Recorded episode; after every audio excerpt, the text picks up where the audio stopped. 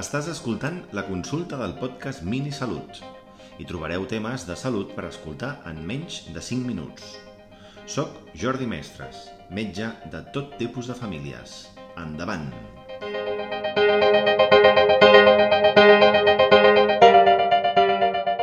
Avui, al podcast Mini Salut, parlem de Covid persistent. Durant la primera onada Covid, alguns informes apuntaven que hi havia pacients tenien símptomes que s'allargaven en el temps setmanes i fins i tot mesos després de la infecció pel virus SARS-CoV-2. L'Organització Mundial de la Salut, la OMS, va definir la Covid persistent com el conjunt de símptomes o signes perllongats que algunes persones presentaven després d'haver patit la Covid. Pot manifestar-se en forma de moltes maneres i aquest malestar pot ser fluctuant i pot arribar a afectar el dia a dia de la persona.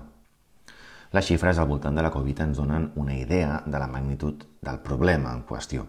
Segons l'Institut de Mètriques i Avaluació de la Salut, s'estima que a finals de 2021 300, 392 milions de persones es van infectar per SARS-CoV-2 i que el 3,7%, uns 14 milions i mig, van desenvolupar una condició posterior a la Covid-19 segons la definició clínica de l'OMS. Si repassem dades, fins a 2023 tenim xifres d'afectació importants. Només a Europa, gairebé 17 milions de persones van manifestar en diferent grau d'afectació símptomes compatibles amb Covid persistent.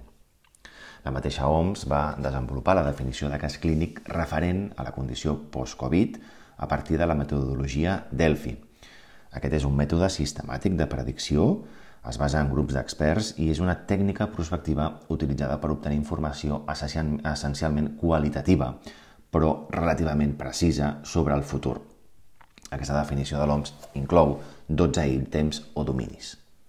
A casa nostra tenim també un projecte, el Fiber Post-Covid. Es tracta d'un projecte científic col·laboratiu i en xarxa entre comunitat científica i pacients que pretén conèixer la prevalença i els factors que predisposen en termes clínics biològics i de context en relació a la Covid persistent.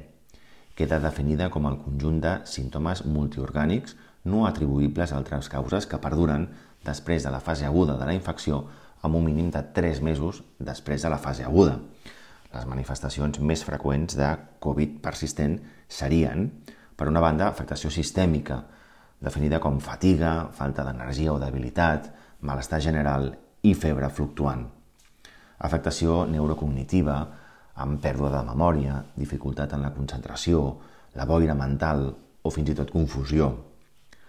Símptomes i clínica respiratòria cardiopulmonar amb tos persistent, mal de coll, disnia, és a dir, ofec, i pressió al pit.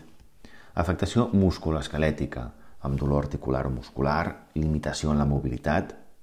Afectació neurològica o neuromuscular, definida com distorsió en l'olfacte o el gust, cefalea, és a dir, mal de cap o falta de reflexos. I també afectació psicològica i de l'esfera psiquiàtrica, amb ansietat, depressió o alteracions de la son. Es proposen altres elements a la definició operativa, com és la mesura de l'impacte de la Covid persistent a la qualitat de vida. Això es pot manifestar doncs, en relació amb la salut general de la persona, si hi ha afectació o no en la seva condició física, també quin és el seu estat psicològic, el grau d'afectació de les activitats diàries, com afecta les relacions socials i familiars i quin és el rendiment laboral. L'estudi es considera que per diagnosticar una persona amb Covid persistent cal, a més de la definició, un diagnòstic previ d'infecció aguda per coronavirus, ja sigui en prova de laboratori o bé per descripció en la seva història clínica. Sigui com sigui, tenim molta feina per endavant, donat que encara no tenim l'evidència en relació a tot el que passa amb la Covid persistent, quines són les causes, quina és la seva predisposició a futur, etc etc. Caldrà, doncs, investigar i recollir moltes més dades i estar atents al que ens diuen els pacients. Així que tinguem en compte la Covid persistent i salut.